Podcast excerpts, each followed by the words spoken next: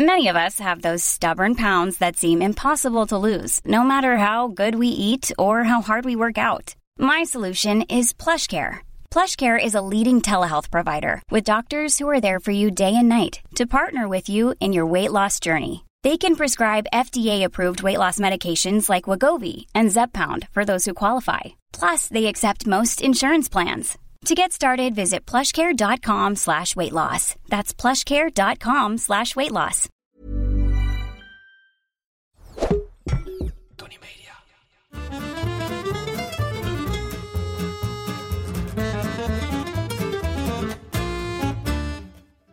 Ik ben Julius Jaspers en ik ben meer dan dol op eten. Het product van deze week zal je me niet zo snel zien eten, maar het is wel een hele belangrijke smaakmaker. Ik heb het over laurier. Er gaat bij mij bijna geen stoofschoteltje op het vuur zonder laurier. Hetzelfde geldt overigens voor bouillon, ragout, pâtés, terrines en marinades.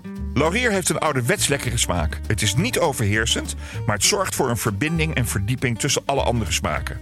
Koken met laurier vergt wel enige discipline. Wat erin gaat, moet er namelijk ook weer uit. En in dit geval bedoel ik de pan. Je wil de blaadjes eruit halen voordat je gaat eten. Een vol blad laurier tussen je sudderlappen is geen probleem. Maar als het kleine stukjes zijn, geeft dat een vervelend mondgevoel. Verpak daarom laurier met de rest van de kruiden, het zogenaamde bouquet garni, in een stukje kaasdoek of een speciaal kruidenei. Wil je van al het gezeur af zijn, is er tegenwoordig zelfs laurier essence, olijfolie, waar de smaak van laurier al in zit. Laurier en olijfolie moet in het oude Griekenland wel een goddelijke combinatie geweest zijn. Waar de olijfboom van Athena was, had laurier een minstens zo heilige status als de plant van Apollo. Na een overwinning op het slagveld of bij de Olympische Spelen kregen de winnaars een kroon gemaakt van laurier, de lauwerkrans. Dat is nog eens wat anders dan een plastic pandabeer of elkaar onderspuiten met champagne. Kostelijke zonde trouwens. Eeuwenlang zouden de gekke stugge blaadjes bescherming bieden tegen onheil.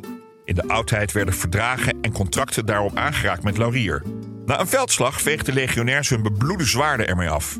Bij onweer verstopte keizer Tiberius zich onder zijn bed met op zijn hoofd een lauwerkrans. Ook zou het beroemde orakel van Delphi vooraf aan haar hallucinaties op laurierblad kauwen. Toch vermoed ik dat ze ook op iets anders kauwden, want hoeveel laurier ik ook in mijn mond steek, hij wordt er niet van. Tegenwoordig wordt er laurier door de drop gedaan. Maar dat komt omdat vroeger drop werd verpakt in laurierblad tegen parasieten. En die lauriersmaak beviel. Zoals iedere week behandel ik een hamvraag die niet over ham gaat. En deze week komt die van Tally66 underscore Kitty. Ha Julius, ik heb een laurierboom. Wat te doen naast drogen en in stoofgerechten doen? Nou, Tally66 underscore Kitty, dat is heel erg eenvoudig. Gewoon lekker van genieten. Er naar kijken, af en toe een beetje water geven. En in de winter, mocht hij buiten staan, naar binnen halen. Want laurierbomen zijn niet winterhard. Ik zelf koop laurier het liefst vers en bewaar het dan een tijdje in de groentela van de ijskast. Hoe groener het blad, hoe beter de kwaliteit en dus de smaak. Maar let goed op, na een tijdje wordt het toch een beetje bitter. Hetzelfde geldt trouwens voor vers geplukte blaadjes. Ook die kunnen nog bitter zijn. Je moet altijd een paar dagen wachten voor gebruik. Als je de blaadjes iets verfrommelt voor je ze in de pan doet, komt er meer smaak vrij.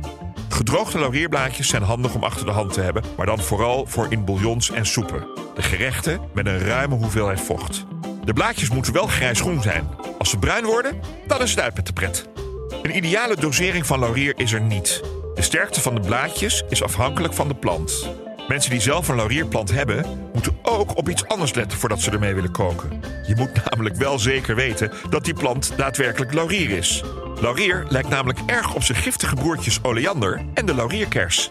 Gelukkig kan Julia, mijn Google Nesthub stagiair, helpen bij het onderscheid. Oké Google, hoe onderscheid ik laurier van de laurierkers? Laurier heeft iets dunnere, smallere bladeren dan de laurierkers. Ook krijgt de laurierkers witte bloemetjes en zwarte besjes. De laurier heeft daarentegen witte besjes. Schat, wat weet je toch veel? Laurier is niet alleen voor hartig, maar is ook goed te combineren met zoet.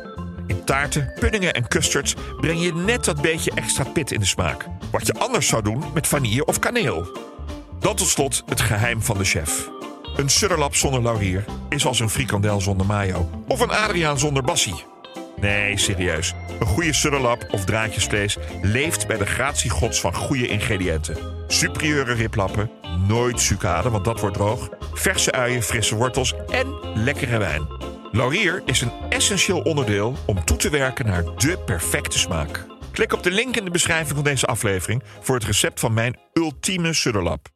Dat was hem over laurier. Zeker niet alles, maar best wel wat. Wil je meer weten over iets in je voorraadkast? Of heb je een hamvraag die niet over ham gaat? Stuur dan op Instagram een bericht naar Julius Jaspers. De volgende keer heb ik het over sambal. Dag!